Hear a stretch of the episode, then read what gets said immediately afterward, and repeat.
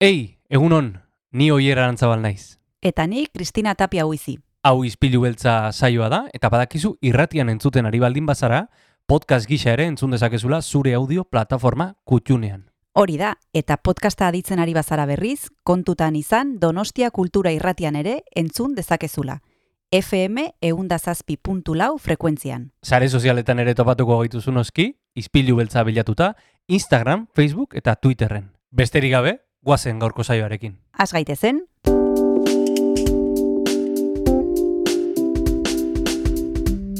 Ispilu beltza. Donostiako kulturaren berri, Oyer Arantzabal eta Kristina Tapia buizirekin. Egun honen zule, urtarrilako hogeita maika ditu, aste artea da, eta hemen zaude Donostia Kultura Irratian gurekin mm, kulturari begiratzeko prest. Kulturari begiratzeko prest, eh, egunero egiten dugun bezala, ez da berria, Kristina. egunon, ez da berria eta urtarrila pasatu egin zaigu, horrela, Bai. konturatu gabe. Esan izun konturatzerako udaren inguruan hitz egiten egongo ginela. eh? Bai, bueno, oraindikan falta zaigu negua, E- eh? Egunak luzatzen hasi dira, bintzat. Hori egia da, hori egia da. Ez da albiste txarra, eta ez da albiste txarra ere gaur e, aste artea dela, eta honen bestez, zinema zitzen behar dugula besteak beste. Bai, badekizue aste hartetan Kresala Zineklubeko lagunak etortzen zaizkigula izpilu beltzara, eskamak kentzen e, sekzioan, eta gaur Janet Diezen txanda izango da, Olga pelikulari buruz arituko zaigu, Eli Grape zuzendutakoa, eta gainera Aitziber Garmendia hoier. Aitziber, Garmendia gure laguna e, eta lankidea, e, zenbait proiektutan e, topo egin dugulako, gaurkoan zerekin dator? Bueno, sexberdinak antzeslanarekin, otxaiaren bitik laur arte egongo da Santelmon, eta, bueno, bera, eta Telmo irureta egongo dira holtzaren gainean, oso gai komplexuei buruz, eta humorearen bidez, oso elkarrizketa ederra izango dugu berarekin. Oso elkarrizketa dara gaur zinema eta antzerkia gaurko izpilu beltzean, eta nola ez, John Gartziak e, pintxatzen digun musika. Hasiko dugu saioa? Guazen.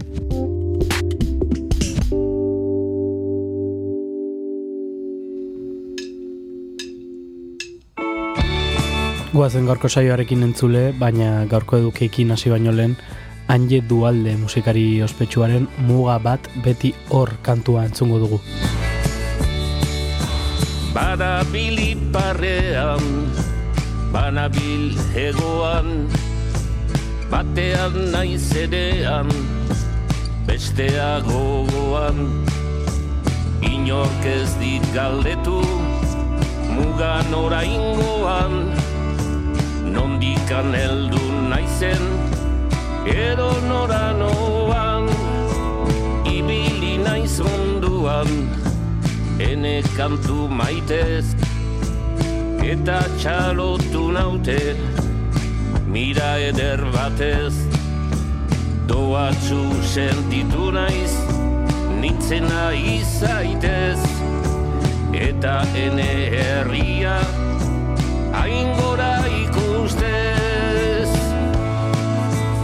Ala itzuli nintzen pozik eta baikor Baina barne barnean muga bat beti hor. Hala itzuli nintzen pozik eta baikor. Baina barne barnean muga bat beti hor. Muga bat beti hor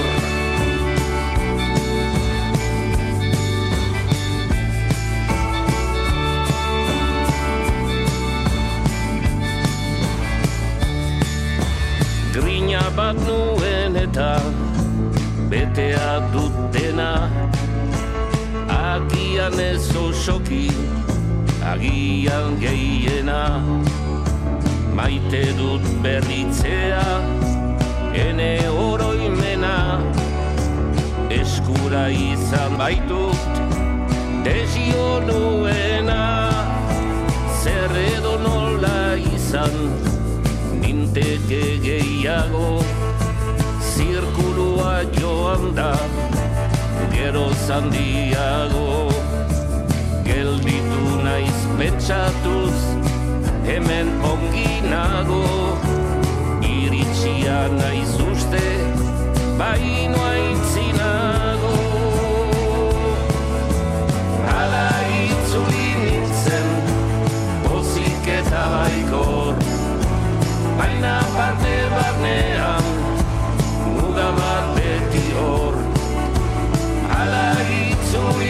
zen Pozik eta baikor.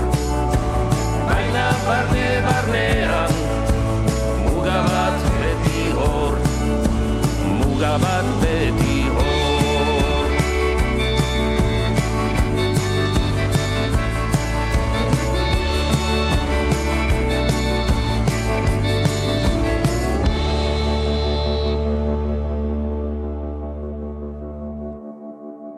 Aitziber Garmendia laguna dugu eta lankide hainbat proiektutan, baina gaur antzerki baten inguruan hitz egitera etorriko da, jarraian hemen ispilu beltzean. Bai, sex berdinak du izena, Telmo Irureta eta bera egongo dira holtzaren gainean, e, hiru egunez, otsaiaren bitik laur arte Santelmon, eta hitz egingo digu gaitasun urritasuna duten e, pertsonen inguruan, eta beraien harremana sexuarekin, ze ematen du tabu dela, Mhm. eta berak hori aldarrikatzen du, berak eta Telmo Iruretak noski. Hori da, e, jarraian hemen, ispilu beltzean, Aitziber Garmendia.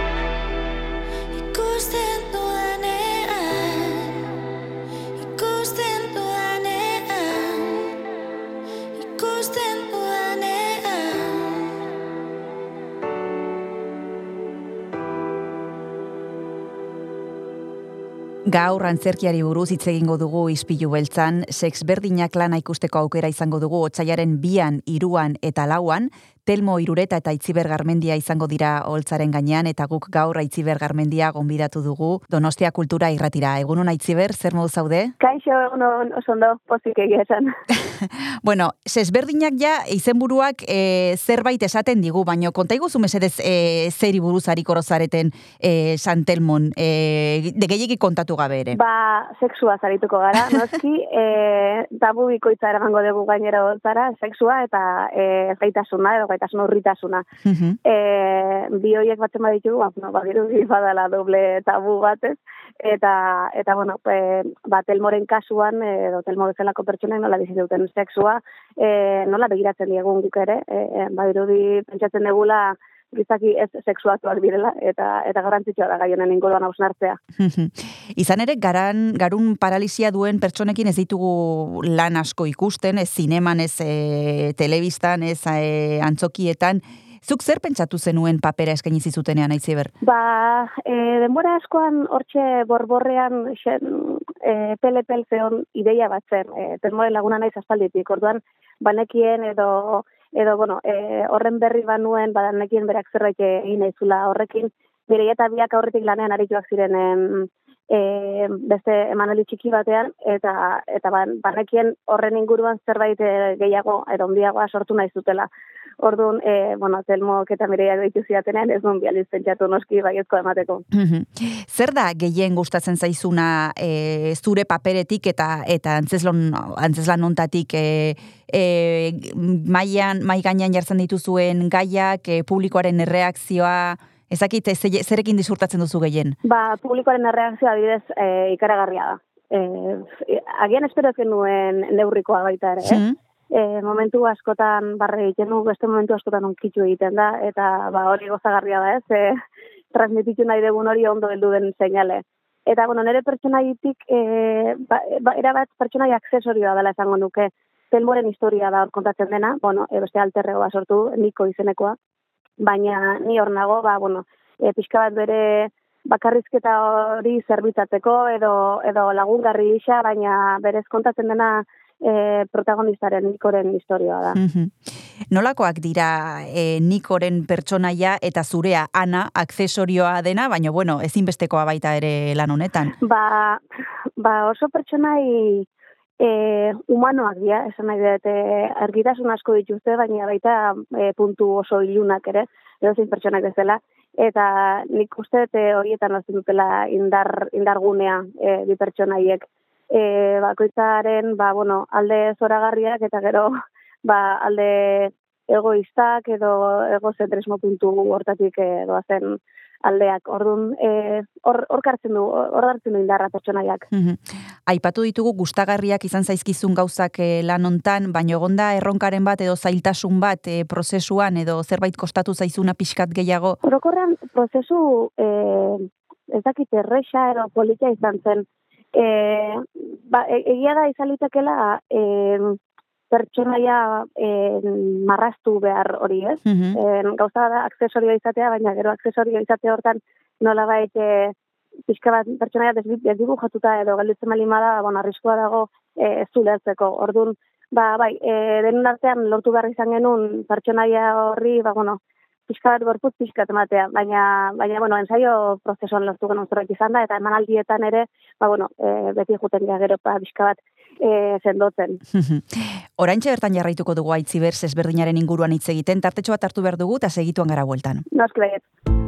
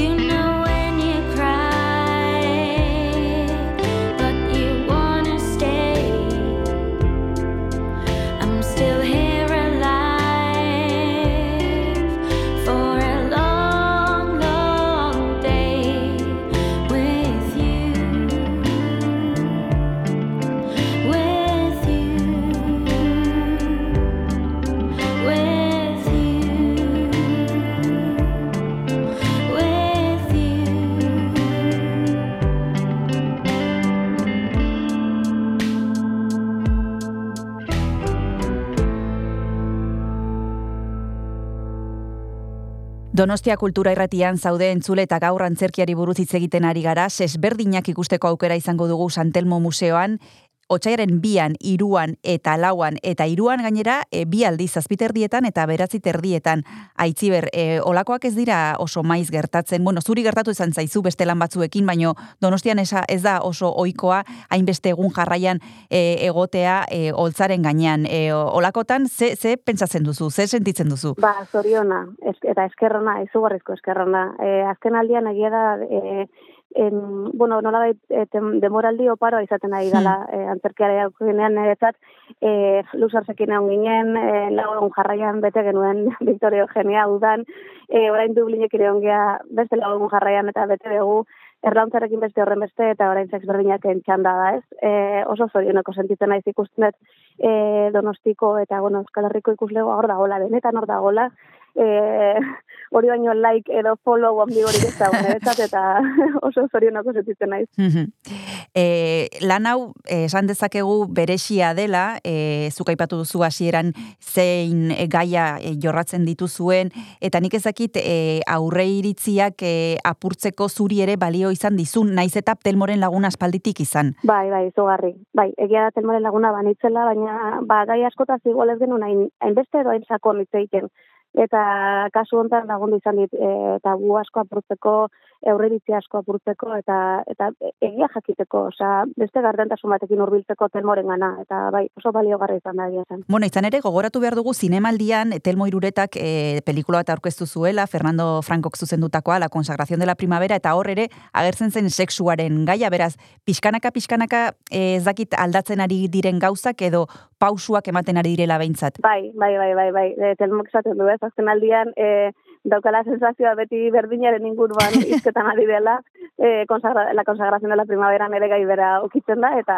sex berdinaken ere. Bueno, ez, ez guztiz e, bera, baina bai, hitz egiten da e, horren inguruan. E, nik uste dut hasi dela pixka bat e, jendeare begiak zabaltzen, horren asko falta da, ez? E, Horren ikusten dut, etelmori jende asko nola gerturatzen zaion, eta hitz egiten diote bosturteko aurra izango balitz bezala eta eta esa hortiko oso urrun dago, ez? Esaten du, ostras, eske hogeita urteko gazte bat naiz. Nahi naizen bezala tratatua izatea, baina, bueno, ba, bada horrendik aurretik lan handi handi handi bat. Gaia berez ez da xamurra, e, baina umorea erabiltzen duzu. E, igual gai gogorrak errazago lantzen dira umorearen bidez? Bai, dudari gabe. Umorea beti izan da arma oso garrantzitsu bat, e, arma oso indartsu bat, eta eta umorearen bidez gauza asko esan daitezke bestela igual ezin esan ezin direnak. Eta hortarako aprobetxatzen dugu sensberdinaken ere. Beti ere e, umore hori telmoren gandik abiatzen bali bada noski e, telmoren e, egoeran dagoen pertsona batek e, bere buruaz barra egitea gauza bada eta besteok e, bere inguruan barra egitea oso bestelakoa da. Orduan umore finak ba bueno hortik hasi behar luke beti Bigarren tartetxoa hartu behar dugu eta segituan jarraituko dugu aitziber garmendiarekin hitz egiteko.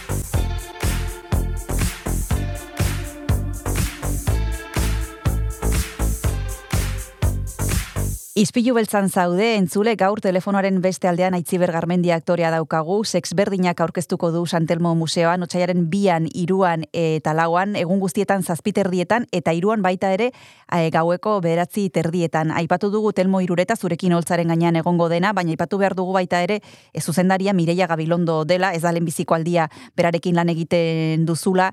Ongi moldatzea ezinbestekoa da olako lan batean e, hainbeste egun jarraian denean, eta kimika hori beharrezko beharrezkoa da, nabaritzen da, gero, emaitzan. Bai, bai, bai. Ongi modatzea ezinbestekoa da e, lanbide guztietan.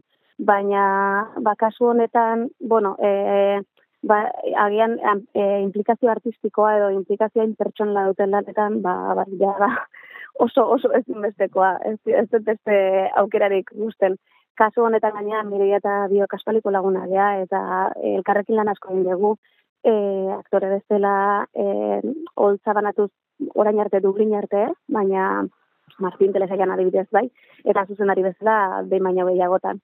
E, asko gustatzen daitan zuzendari bada, e, nire kutxun, kutxunenetako bada, eta eta nik uste dut e, horrez gain lagunak izateak ere ba, laguntzen dula. Batez ere gai, gai hain mamitsu baten inguruan e, jarduteko garaian. Aipatu duzuzuk aitziber, baina azkeraldi hontan proiektu askotan ikusten zaitugu, antzerkian, e, bueno, pantalla hundian ere bai, podcastetan ere bai, e, nolako izaten ari da esperientzia adi, agian berriena edo berritzaileena hor e, jare gorpuzten duzu eta o, ahotsa bakarri jartzen duzu eta hori zuk e, normalean ez duzu egiten ze zure gorputza erabiltzen duzu lan egiteko eta hemen ez e, nolako esperientzia izaten ari da hori? Ba, sekolako eskola. E, uste nuena baina gehiago erabiltzen udalako gorputza, hasiera batean pentsatu nuen, bai, bai, bai, hotxarekin gauza pila bat esan litezke, baina lehenengo goratzen naiz archipelagoa lehenengo denboraldiko lehenengo gorabaketetan, konturatu nintzela, e, uf, apoio nagusi nagusi bat zela, gorputza eta e, fizikotasun hori asko erabiltzen dutela eta asko inarritzen daitela hortan. Ez da txarra, baina, baina lan ez berdin hauek egiterako garaian oso konstiente izan behar dezu eta askotan gorputan lotu behar izaten nuen. e, Ahotxarekin bakarrik adirazteko e, zena hortan adirazi nahi zena sekulako eskola izan da eta esperientzia oso oso politia. bueno, eta ja bukatzeko, e, aipatu dugu lanez gainezka zabiltzala, eta nik ezakit e, 2008 irugarren urtea ere, horrela datorren, zerbait gehiago sesberdinaz gain daukazu eskuartean urte ontarako aitziber? Ba, bai, horrela datorren, zorionez. e, Dublin, inoiz ez naiz Dublinen egon estrenatu berri dugu, eta jira, bueno, e, jira neko potoloa e, aurre ikusten zaio, Horrez gain, bueno, e, urtean maieran hasiko naiz beste e, proiektu baten saiatzen, aktore bezala zen nahi dut e, tantakaren zat, eta, eta gero, ba, ja, astelen ontan, hasiko gara, e, kanpora sartzen, e, antes lanarekin, Xain Fernandez eta Intzalkain izan du direktoreak, talenengo aldiz, lan hori nik zuzenduko dut, beraz. E, bueno, hori, hori nobedadea da, zuzendari moduan bai. zara itziber, hori nola, kontatu pixka bai, bat? Ba, txalo kompainia ditu zidan, Xabi Ragero ditu zidan, e, ba, esan ez e, Xabinek idazizuen e, antes lan bat hor, e, antes lan zora garria, por cierto, eta Xabinek berak ere proposatu zuela, ba, bueno, zuzendarian izan edin, irakurri nuen, ikaragarri gustatu zitzaidan, e, kontatu beharreko historia badela iruditzen gaina, e, zero positiboa dela itortzen duen historio bada. Eta, eta bueno, ba, nola, umore puntutik eh, umorikutuarekin kontatu nahi duen, ba, nigan pentsatu zuten, eta ikaragarri zorion txusentieten naiz, martzak amaikan astronatuko da, eta ustailean, e, okarez da naiz, e, donostin izango goea. Osea, que, bueno, Bueno, ba, Aitzifer Garmendia aktorea izateaz gain, eta podcastetan parte hartzeaz gain ere, zuzendari, ikusteko aukera izango dugu, beste rol batean, guk egin behar deguna da, entzulei gomendatu, e, ba, sesberdinak daukatela Santermo Museoan, esan bezala otxaiaren bian, iruan eta lauan, eta bisi ibili beharko direla sarrerak e, nahi izan ez gero, zeba dekizue e, lau egun egongo direla, lau emanaldi izango direla, eta azkar-azkar saltzen direla e, sarrera guztiak donostiakultura.eu eus webunean izango duzu informazio guzia eta sarrerak erosteko aukera. Eskerrik asko aitziber barmendia Donostia Kultura irratira hurbiltzeagatik eta besarka da bat urrengo arte. Eskerrik asko zuei. Eskerrik asko besarka da bat. Agur. Agur.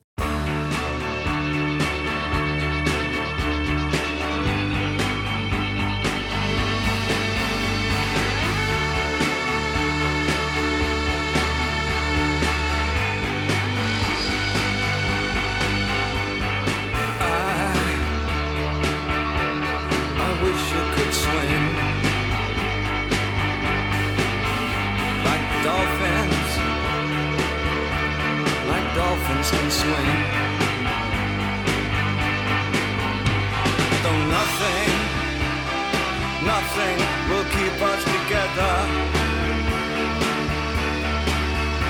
We can beat them forever and ever. Oh, we can be heroes just for one.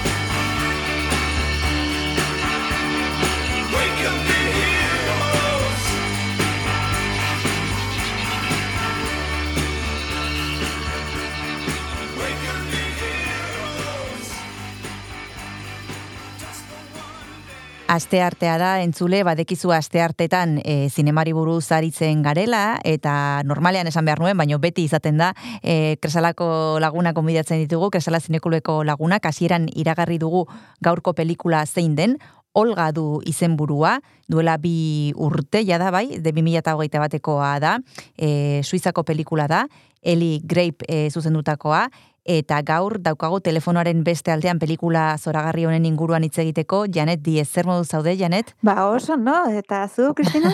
Oso ondo, zurekin hitz egiteko gogoarekin beti ekartzen dituzue poli, e, pelikula interesgarriak, e, baina hau uste dut e, oso e, bitxia dela, e, pelikula laburra, bueno, edo, bai, bueno, ez dakit, e, laro zein minutuko iraupena dauka pelikula honek, olga du izenburua, e, hasieran esan dugun bezala, eta guazen pixkanaka, pixkanaka kontatzera e, zer aurkitu dezakegun e, pelikula hontan. Zer kontatzen du zuzendariak olgan, Janet, e, zein da sinopsia? Ba, e, gure protagonista neska gazte bat da, e, Ukraniakoa eta bera gimnasta da, e, bere ametsan nola ez, ba, olimpiaretan, eta, bueno, kompetizio handietan ibiltzea da.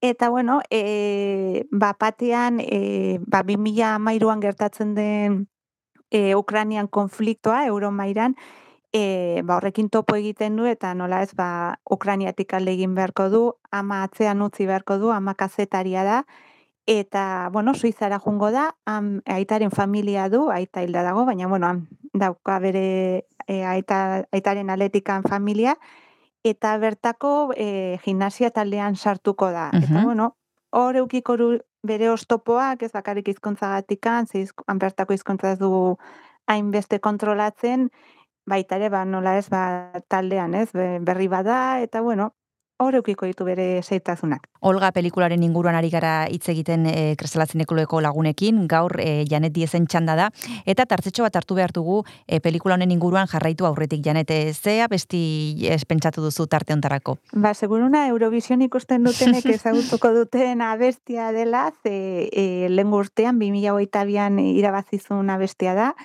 e, Ukraniako Kaluz Orkestaren taldearen abestia eta izena da Estefania. Guazen entzutera ba. Стефанія, мамо, мамо, Стефанія, розквітає поле, а вона сивіє. Заспівай мені, мамо, колискову, хочу ще почути твоє рідне слово. Вона мене колесала, дала мені ритм і напевне силу волі не забрати мене подала. Вона напевне знала, може більше і від Соломона Ломаними бурі, забере бабулі звідулі, ніби вони кулі.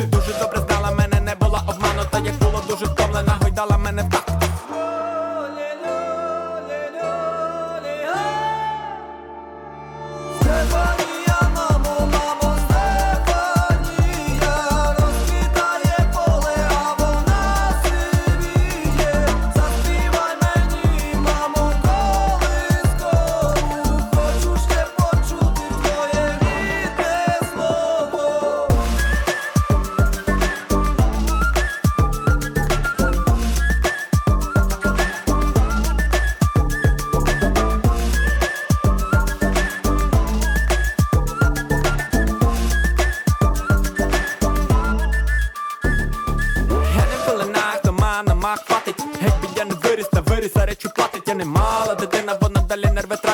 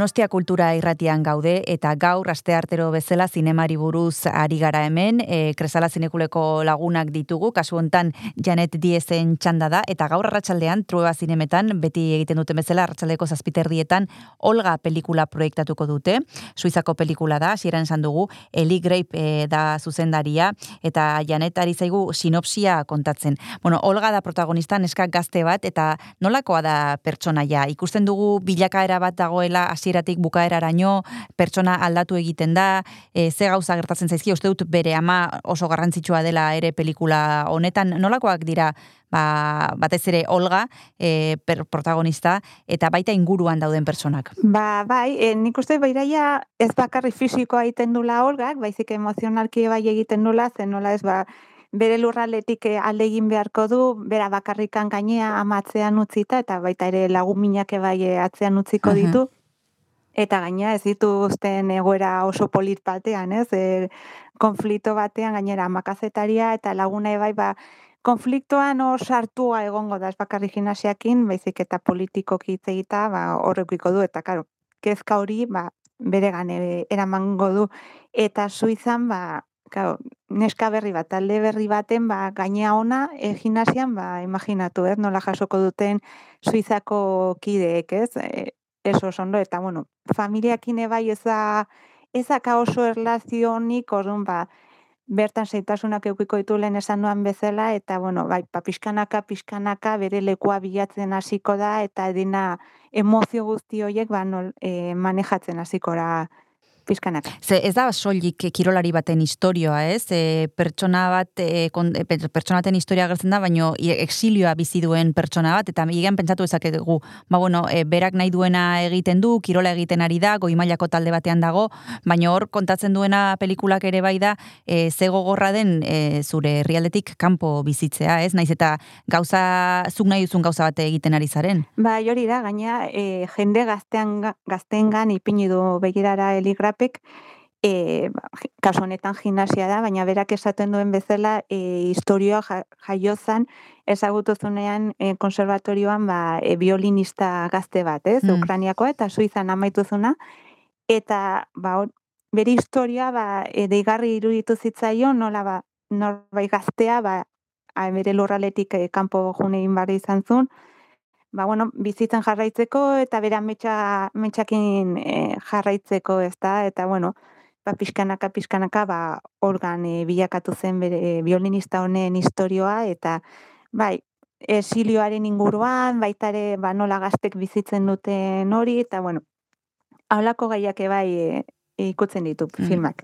Eta balio digu baita ere Ukraniako bertako, momentu hortako egoera pixkat gehiago ezagutzeko, ze esan duzun bezala Olga protagonista e, Suizan bizi da, baina bere jatorria eta bere herrialdea berez Ukrania da, eta han dauka ama, eta kontatzen du momentuan e, oso egora e, jakin bat. Nik ezakite balioko digun pelikula honek ere pixka bat ezagutzeko Ukrania hobeto edo bere historiaren zati bat, behintzat. Bai, nik uste bai, ez gaina horretan oso lagungarri ditu bai e, amaren pertsonaia eta lagun minaren pertsonaia, ze beraien e, bitartez ezagutuko dugu zer jungo dan gertatzen e, Ukranian e, egunet, egunetan zehar, ez? Mm. Ama, ba, igual, kazetari bezala, komunikazio aldetikan, eta lagun mina, ba, bueno, talde politiko ero alako eta murgilduko da, orduan, behaien bidez ezagutuko dugu han gertatu zena, eta eta zoritxarren ikusten e, film, film, Olga filma ba, gaur egun ere balioko du, ez? E, konflikto,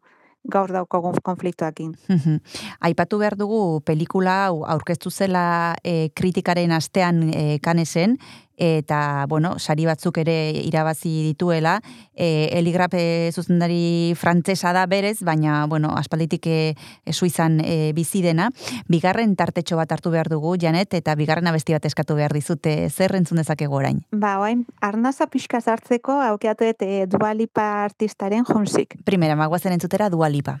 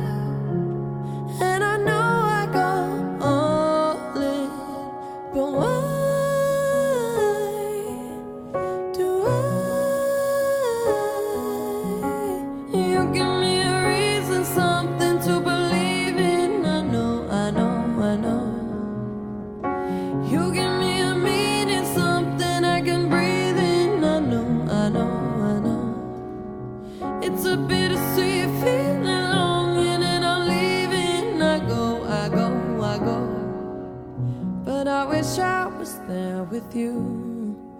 Oh, I wish I was there with you.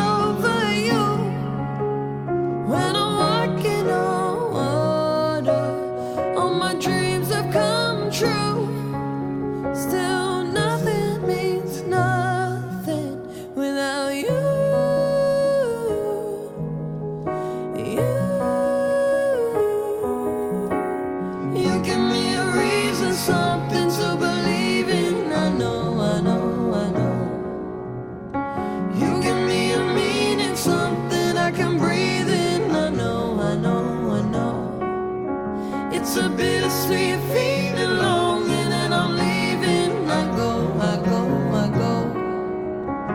Tell my heart to lie, but I know deep inside it's true. That I wish I was there with you. That I wish I was there with you. Oh, I wish I was there with you.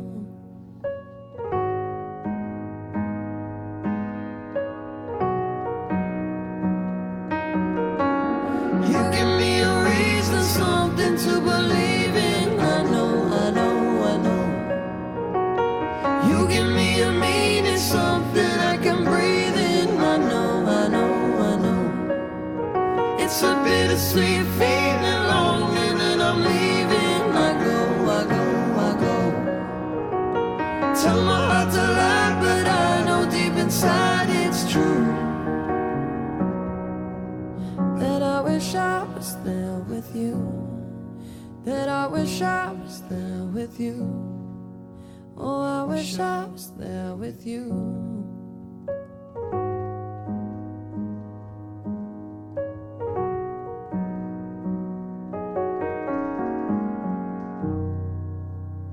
Kresala zineklubeko lagunak ditugu gaur, telefonoaren beste aldean Janet Diez daukagu, badekizue asteartetan beraiekin gustatzen zaigula zinemari buruz aritzea, e, eta nor hobe Kresala zineklubeko lagunak baino, kasu hontan e, ari gara hitz egiten Olga pelikularen inguruan, Eli Grape, Grape edo Grape, ez dakit nola, nola esaten den, zeberez frantsesa da e, gizona, eta bueno, ez dakit ongi esaten ari garen, baina bueno, e, ari gara bere lanaren inguruan hitz egiten, 2008 bat garren urtean e, egindako lana da, eta aipatu dugu kanesen e, kritikaren astean aurkeztu zutela. E, Janet, jakin nahiko genuke, e, ze gustatu zaizun pelikula ondatik gehien. E, kritika mortoa daude sareetan eta interneten, baina zuri pertsonalki zer gustatu zaizu? Ba, niri gehien gustatu zaitana da e, filma oso erraz ikusten dela. Mhm. E, ez da hain luzea, zuk esan bezala, laroita masei, laroita sei minutu irauten ditu, eta erraz jarraitzen da historioa. Gaina gai gogorra du hor, e, bueno, gai, ero gaiak, gogorrak ditu hor, e, tartean eta nola kontatu duen e, gustatzen zaitez, hain erraz eta guztiok ondo ulertzeko e, e, moduan e, kontatua da hola. Mhm. Hemen aipatzen dute batzuk e, oso ondo dagoela kontatua historia, kamera dagoela hartuta bizkarraren gainean, e, eta bueno, ez dela hainbeste gauza politiko bat, baizik eta drama pertsonal bat, ezakite ados zauden horrekin, Ba, nik uste e, ba hori ez, e, gazteek e, nola bizitzen duten egoera hori esilioa ba, e, irurikatzen du filmak egia da, ba, ba pixkat ambientean ipintzeko, ba, e, zuzendariak e, Ukrainian gertatu zen momentu horretan e, murgildu du, ez? Gaina, e, nabarmendu nahi dut, e, zuzendaria hogeita zortzi urte bakarrik Mm. dituela. Mhm. Eta lako filma e, e, egitea, ero behintzat, e, gaia interesatzea, ba, meritua da kaneretzako. Mhm. Eta zerbait ez zaizu gustatu Janet, aipatu ditugu gustatu zaizkizun gauzak, baina ez dakite zeiba, zerbait e, nabarmentzakoa dagoen pelikula hontan, ba ez, hain- ez zaizuna gustatu hainbeste. Ba, momentu honetan, ez? Nik uste eh, dena gustatu zaidala, bai, agian momenturen bat, ez dut spoiler esango, ba, ez, ez da ez zaidala gustatzen. Ze- Ikust, agertzen dena pantailan da pixkat atzeiten dizuna, baina momentu bat da, eta, baina, bueno, gustatzen ez zaidana ez? Nik uste dut eh, dena gustatzen zaidala Mhm. film honetaz. Eta zein gomendatuko zenioke pelikula hau, ze publikoari esango zenioke, bueno, dudarik gabe, etorri ikustera gaur arratsaldean Olga, zein gustatuko zaio? Ba, nik uste familia osoari, bueno, familia osoari, elagurteko mei ez, noski, baina gazteak animatuko nituzke bereziki e, eluake bai, noski. Baina nik uste denok ikusteko filma da. Gainea, gaur e, arratsaldean gurekin izango da Kristina Zorita kazetaria, Mm. eta bueno, E, solasaldi interesgarria aukiko dugu, ez bakarrikan filma interesgarria delako, baizik eta bera gurekin e, egongo delako saioan. Esaten dugu beti eta gaur ere azpimarratu behar dugu pelikula e, pantaila handian ikustea plazerra da, baina baita ere gero egoten den e, solasaldia. Eta kasu hontan Kristina Zorita e, kazetaria baldima dago seguru gauza oso interesgarriak aterako direla eta komeni dela gel- gelditzea. Eta gero e, ba eztabaidatzeko aukera dagoelako eta batzuetan ba hor ideia oso politak ateratzen dire ere, eta, bueno, ba, izakit, e, interesgarria da baita ere, e, hau komentatzea, ez? E, kasu honetan, e, Kristina Zoritarekin, gaur arratsaldeko zazpiterrietan, trueba zinemetan, Olga ikusteko aukera izango dugu. Esan bezala pelikula ederra, kanesetik e, pasatakoa, e, duela japi urte, Eli Grapek e, zuzendutakoa. E, zerbait gehiago, Janet, e, pelikula hau ikusteri bateko konbentzitzeko? Ba, guztiok etortzea. nik uste eh, filmak eh, bakarrik itzein dezake eta nik animatu nituzke guztiok etortzea, gazteak bereziki, eta bertan ikusiko gea, Kristinakin hitz egiteko. Oso ondo, ba, mila esker, Janet, eta horrengor arte. Zuri beti.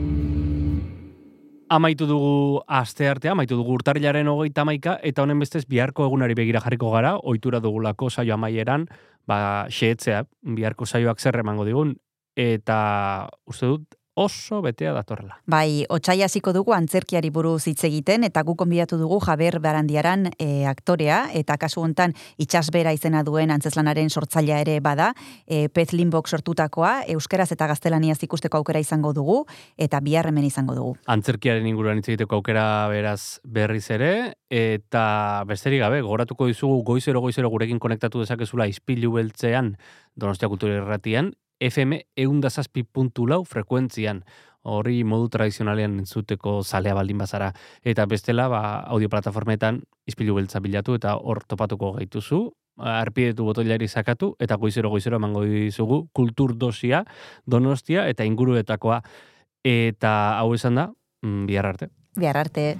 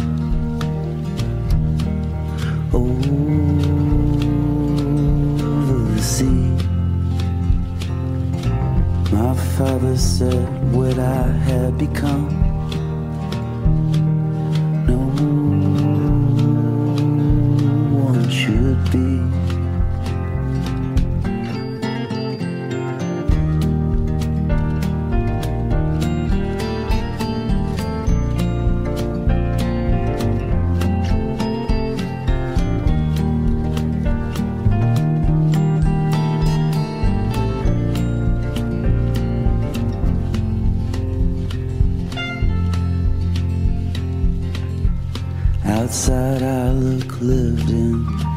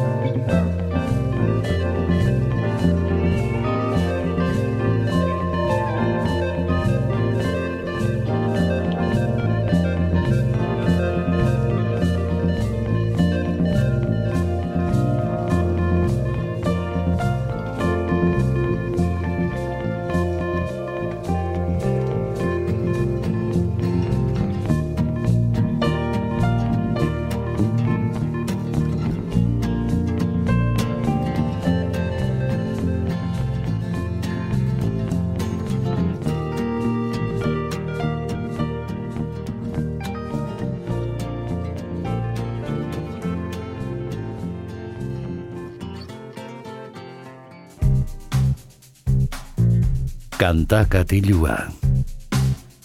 Jon Gartziaren eskutik. Egun honen entzule ongi etorri gaurko kantakati ura iritsi gara izpilu beltzari agur agur esateko unera eta badakizue musikaren bitartez egiten dugula agur hori hementxe egunero egunero Donostia Kultura irratian gaurkoan proiektu berri bat ezagutuko dugu lehen diskoa du Txabo izeneko proiektuak elektronika proiektua da eta orentxe atera dute trompetas en el Pirineo izeneko disko bitxia eta ederra eta lehenengo abestia entzungo dugu, hause da e, sarrera ematen diona eta sarrera izena du hain zuzen ere, beraz, guazen entzutera.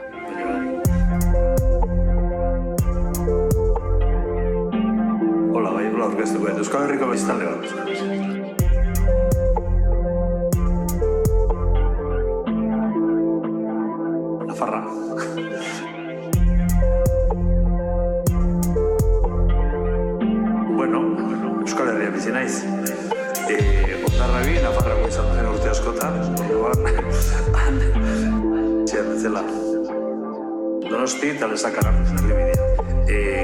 E, kasualidade bat, hiri handiak ez ezkide inoiz gustatu, eta gero ba, ez dakit, gustura nago. Oso gari politak. Bergatik ondarri, ez dakit. Igual amak dauka horren e, txiki txikitatik ere bat zigun dudan e, derrebida, ondartzara, eta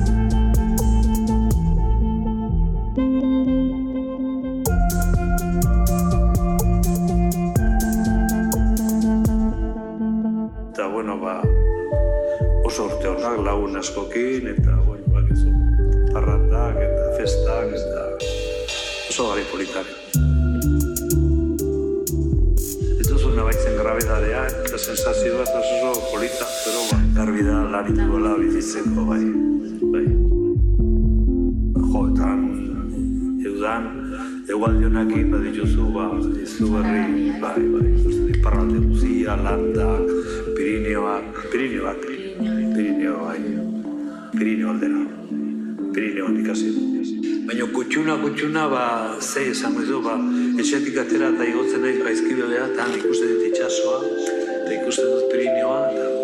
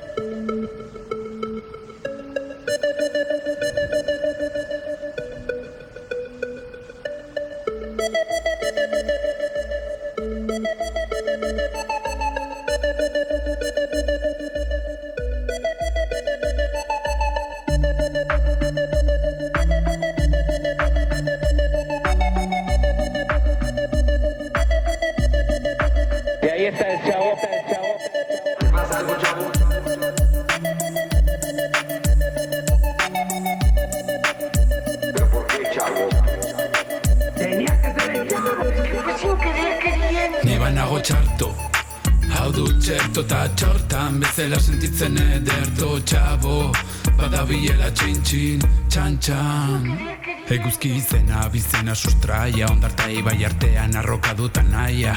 Haiza, lerro hauetan nire orbitara sarrera zenbat satelite. Batetik bestera planeta politorretan zenbat komeri bote desberdin pila eta bakara fragantzi. Sobran limusinak, faltan ambulantziak, utun hau iristen badago oraintziak. Arkimides hause sirakusa, esaldiz, esaldi eraikitzen katapulta. Ekia naiz ta eskuan daukat lupa, eldu baina lehen jada erredizu txalupa. Jaten hasi arte, enintzen goze, orain hasita ezin geratu ase, buruan bueltaka, letra eta base, egin nahi du simple gaur ez dut behar sample, ez dira soilik herrimak bidai eta herri minak lan egun plazertan minak begietan itokinak begira, sardinak latan bezala, saren saretik ezin iasi, metroan hainbat kilometro, jendea ezkerta eskubi, jantzi retro izan progre bizikleta zarrako be, balioa doble bada freno gabe, ezin kontatu enbeste kateto, Bermudetan galduta pitagoraz jarrita txilborrari begira. Atera eta pelusa, tezipotenusa, lentu, landutako talentu. Urrutira junda topatu nuen gertu. Burukarratuak egiboro bilen bila Legezarra kantu herrita kontu berdina. Aiza, ni banago txarto. Hau dut txerto eta txortan bezala sentitzen ederto txabo.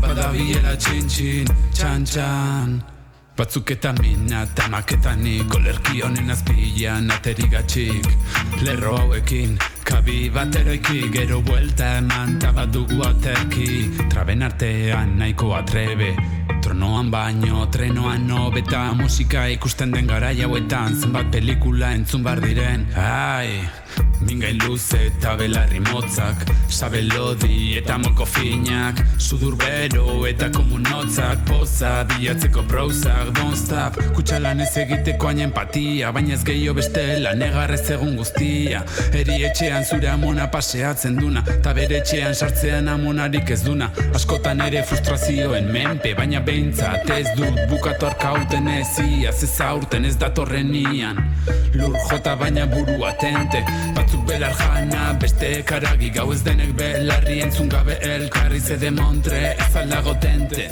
Askatzen zintun horrek orain zaitu menpeta Melomano eta melanoma jezkibel tontorrean Laizter merkadona rutina eramateko Horri parean retina mirakuloak itxoiten Ipurdiei begira nire rape Ez da ez izan emea paperean Isuritzen den esnea eta kontuz egiten dudan mamia Eta kantuz goxatzen duen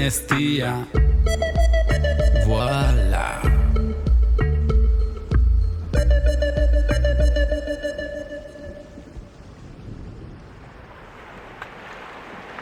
El canto de una ballena. Se dice que este sonido llega a penetrar en los sentimientos humanos.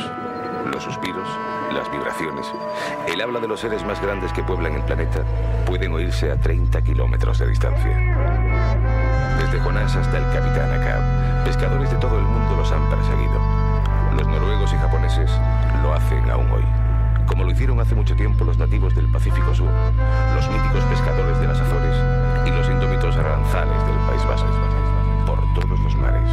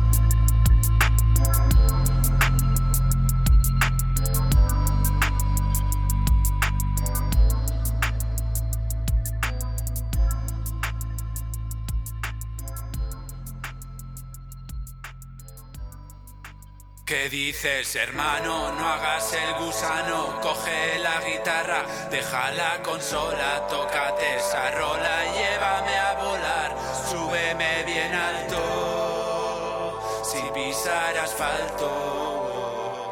Lejos del barranco que me da vértigo, acaricia el momento, pues ya se ha ido, ahora viene otro, igual de podrido. Y si no sabes pintar, di que es contemporáneo. Cuántas almas vagan por el mar Mediterráneo, ya no hablan de ello, pero ocurre a diario. Y que no falte comedia ante tanta miseria. Unos se van pa' Marte y otros en la Edad Media, 15 grados aquí, menos 20 en Siberia.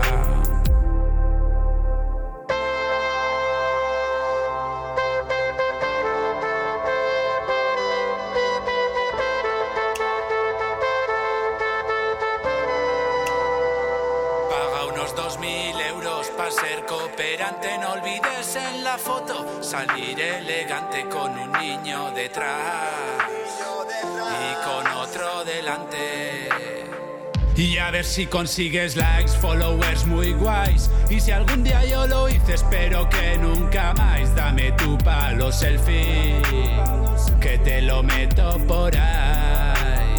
Y que no falte comedia ante tanta miseria. Unos se van pa' Marte y otros en la Edad Media, 15 grados aquí. Menos 20 en Siberia.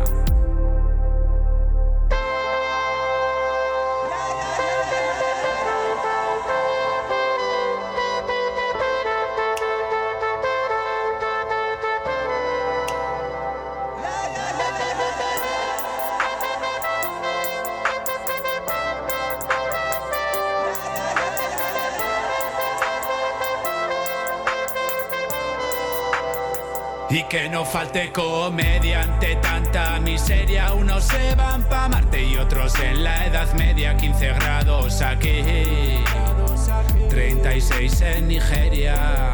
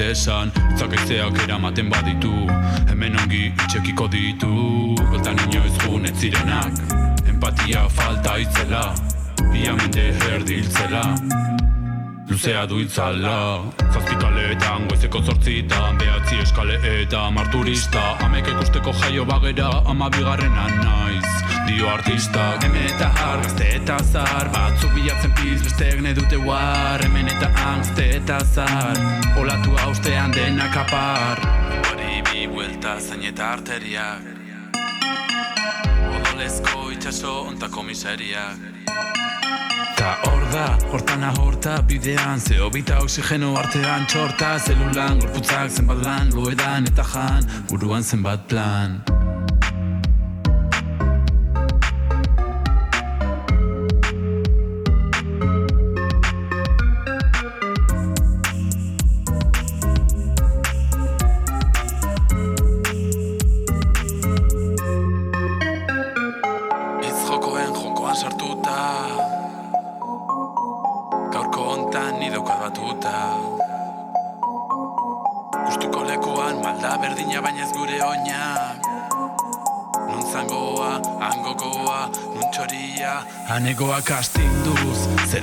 doaz Irudiak sortuz janare bila Egan ta egan mugarik ez da.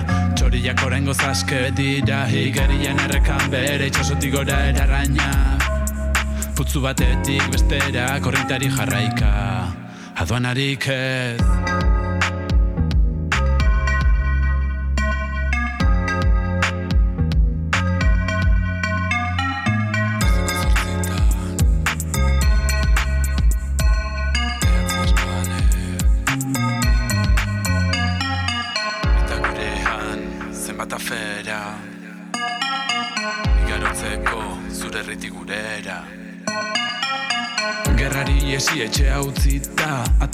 Izten pozoinari bezala Eta gurean bide berbera. Arazo gabe baina beste aldera.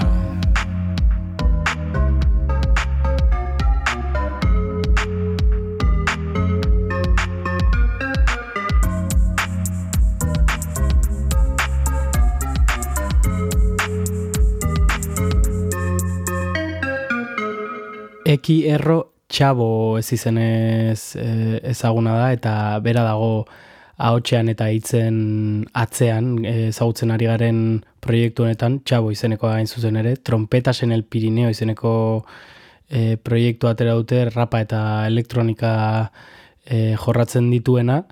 Be, lagun izan du Mikel Iturria, e, uste dugu ezala gure Mikel Iturria maitea kulturperiskopioa ekartzen diguna astelenero astelenero, ez diogu galdetu oraindik, e, baina bueno, e, izan liteke, izan ere Mikelek musikaz badaki eta astelenero pintsatzen digu a, pintsatzen dizkigu abesti ederrak, baina bueno, pentsatuko dugu ezala bera eta izan ere bera izan da diskoa grabatu duena, teknikaria, e, silofi benean e, ondarribian grabatu dute, eta guazen e, entzuten eta ezagutzen jarraitzera, orain entzun dugu apar izeneko kantua, eta hurrengo abestia da, kukurruku.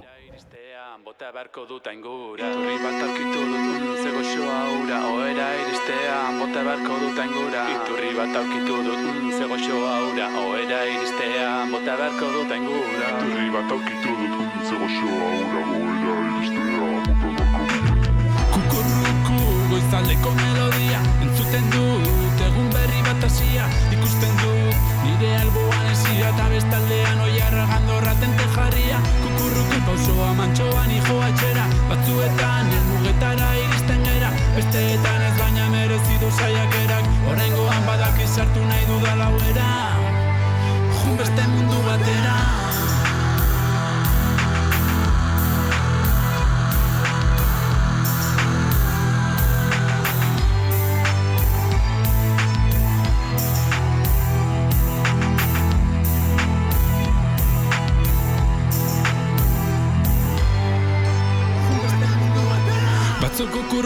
besteak uskuseoan Hainbeste informazio ez da ere museoan. Eskerrak erdia beharko ez dudala izango gogoan. Askotan geratzen zaigu indar guztia oan Gau osoa edan ez da oraindik egarri naiz. Hau ez da lehen aldia gertatu izan zain naiz. Izan edo hemen antzera ibiliko aiz Izan arren polizia hartzaile da baiz. Ta pixkanak hasi naiz azkarrago ibiltzen. Kostaldeko aize honekin ari sentitzen. Honen laguntzen ditipurdi astintzen Itz hauek gantzan jarri eta bidea laitzen Jun beste mundu batera. Iturri bat aurkitu dut untze goxoa ura Oera iristea bota beharko dut aingura Herri bat aurkitu dut untze goxoa ura Oera iristea bota beharko dut aingura Iturri bat aurkitu dut untze goxoa ura Oera iristea bota beharko dut aingura Iturri bat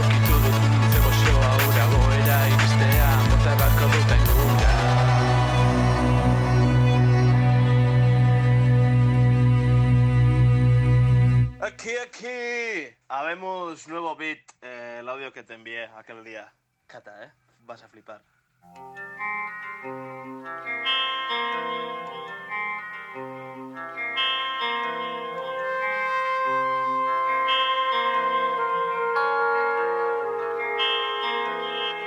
Ciao. Bat bi, Mikelekin dula bit bat. Detuta esan itartzak, gainetik jarri hitzak Ei, bat bi, Mikelekin dula bit bat. Detuta esan itartzak, gainetik jarri hitzak Ei, oposaketak egin nahi Egin zaite zer izan, jau paradoxa Ez du kolora roxa, zubiak hartu du arsiaren forma. Ikamika baten kimika, moko kabi makako. Ikamika baten kimika, moko kabi makako. Muga gurutzatzen sarri, gi, gino bartali nahi baden ura, hartu zan ura. Uh. Fostokopi ire luka da nahiko cool. Bana erte eta Vanderpool Ire luka da nahiko cool. Bana erte eta Vanderpool Ontza bat txokolate Gabian onena.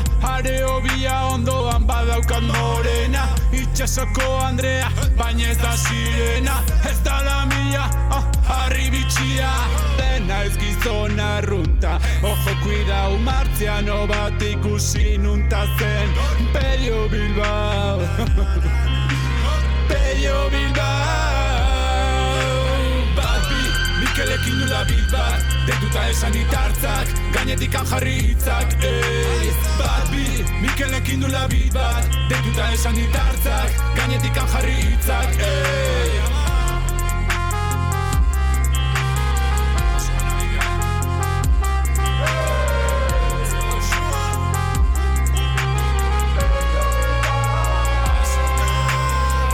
Beldurra gordetzen nahiko baldarra Erre badut belarra Burua baretzen didan bakarra Zure bularra Tontor parentan bibak Earra Bai eratik hanbera Koba honetan ezin aspertu. Biok xurru murruka Txabito ez da txibato Dantzatu nahi du batxata.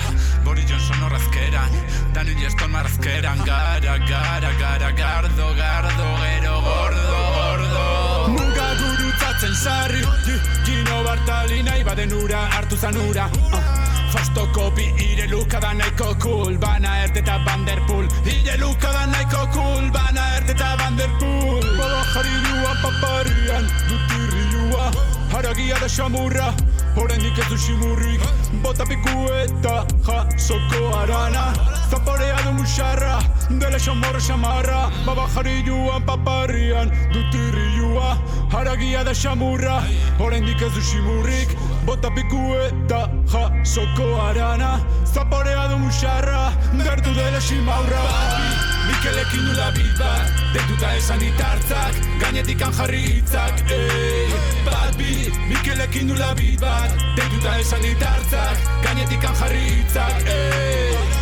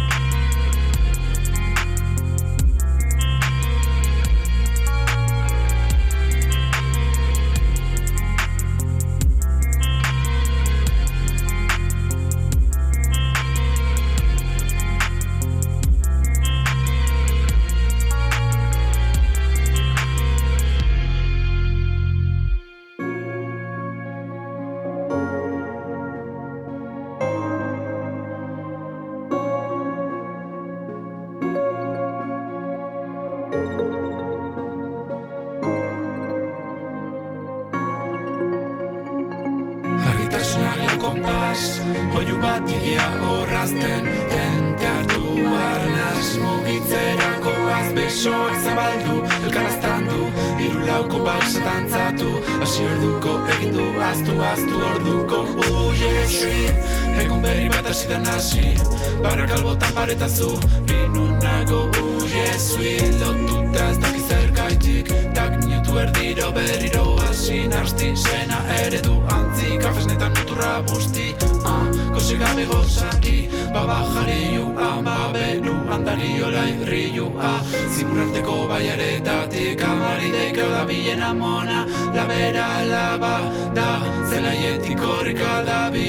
Jaka amari Buiaka Die mentxenago baina Izumerik tabek dodo Tiz zer egin duzenekin agorita Nortzera zu piskate bili lau pausuta gorputza utzi. Eutxina zazuela lurrera jauzita Ez ur bat hautsi. Astoratuta eh. Azto dute goten azti Argitasunak lau kompas Oiu bat igia horrazten Dente hartu arnaz Mugitzerako az besoak zabaldu Elkaraztan du Iru lauko balsa dantzatu Hasi orduko egin du Aztu, aztu orduko Uie, street Rabe bat emaina pasti gehiota Sartuta tenesi Inge bunerazte lehen hartu aspirina Setu ta egin esperen abazkaldu Koiera galdu jantzi mantala Zikindu mantela eta gero afaldu Argiak itzaldu jada ostirala Ta ez horiek dituzte gurbil Maratoia bukatzen urbil Moratoia non nahi. Batzutan puntu eta bestetan koma. Morfina eta burufanak begizulotako potxa puztu Da, une berri bat hasi. Da nasi Konturatuta egin du garasi. Malko nahiko luke leiotik salto. Guzpitik ospa kosta la kosta Taldean txarto. Bakarrik gaizki Botika, botaka, butaka, motata batuta galduta. Batuta galduta, narciso erizpilutik iesi. Zirrara gutxita nahiko zirrosi eraikinak. Dirudila sovietik urrutira jungabe beste mundu batetik. Botika, botaka, butaka, motata batuta galduta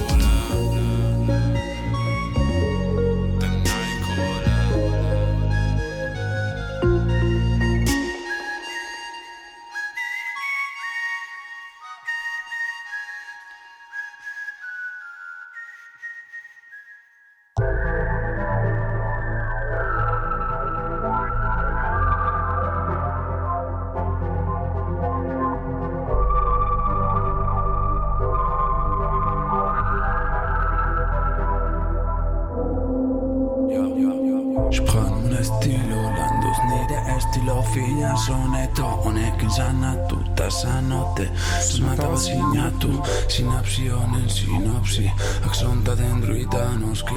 Bat izokina Besti arrantzan hortzak estutu dituen hartza. Ez dur sinistu nahi leloen leloa janari Hotza du platera bero azkazalikanez Tamanikura txempan botian gordeta dago nula Atxigabe egiten ardua zaldien itxure eman nahi du nastoa eta antza. Ez dute jarri balantzan zaldiek ez dutela egiten arrantza. Lehenik bai pare bat arrai. Txipia bezala soltatzen tinta eta eskerrak bintzat berdela badela Bordeleko ardoa badela eta zena jarraituztenago Parixen Hau ez da el Cairo eta hemen vinilo.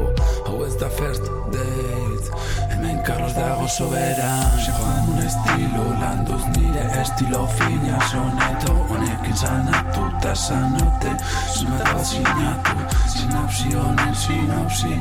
Aksonta dendrita noski Bat izokina Besti arrantzan hortzak estutu dituen hartza. Leloen leloa janari hotza du latera bero azkazalik ganez Ta manikura txapa gordeta dago nurata. Batxigabe egiten ardoa zaldien itxura eman nahi du nastoa eta antza. Ez dute jarri balantzan zaldiek ez dutela egiten arrantza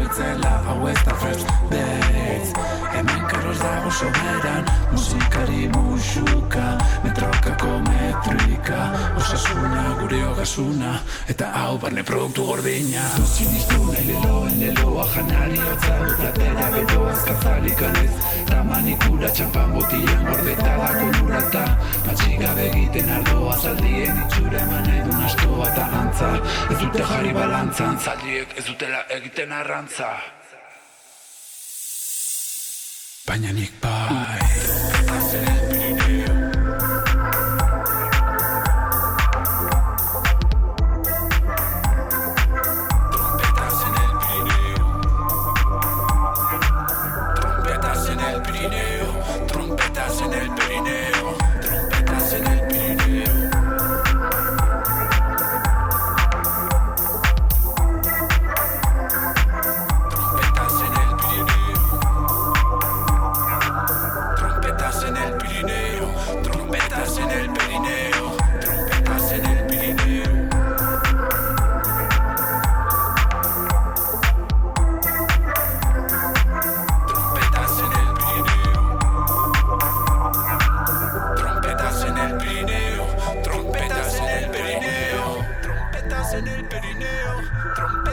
El Pirineo.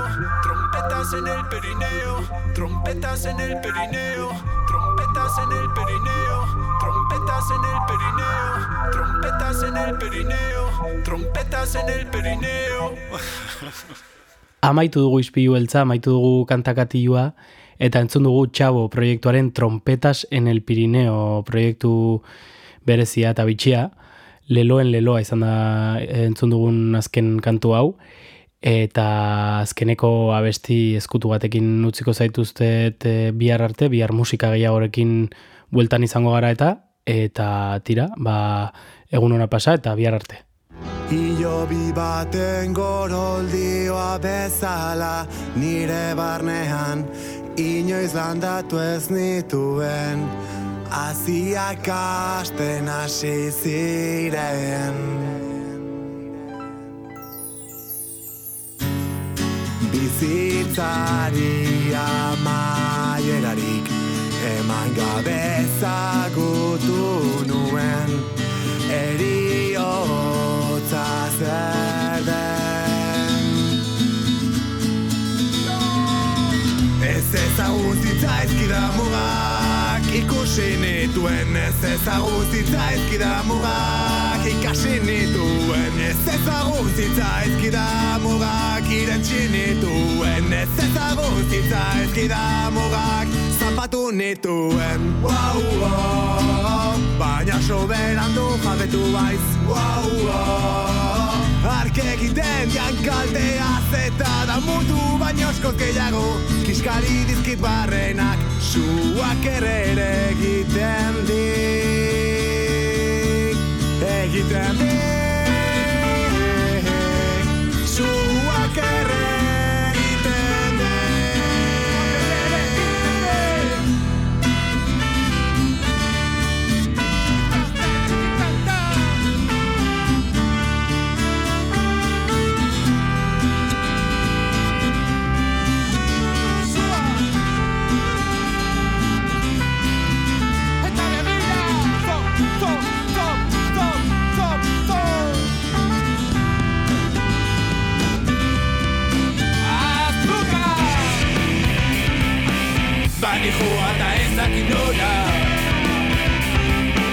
Bana torre eta ez dakit nordu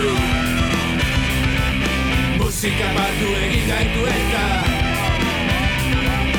Elkartu gaira gaur hemen zurekin. Lurra zapaltzu. Zapatak hartuta. Burua ordea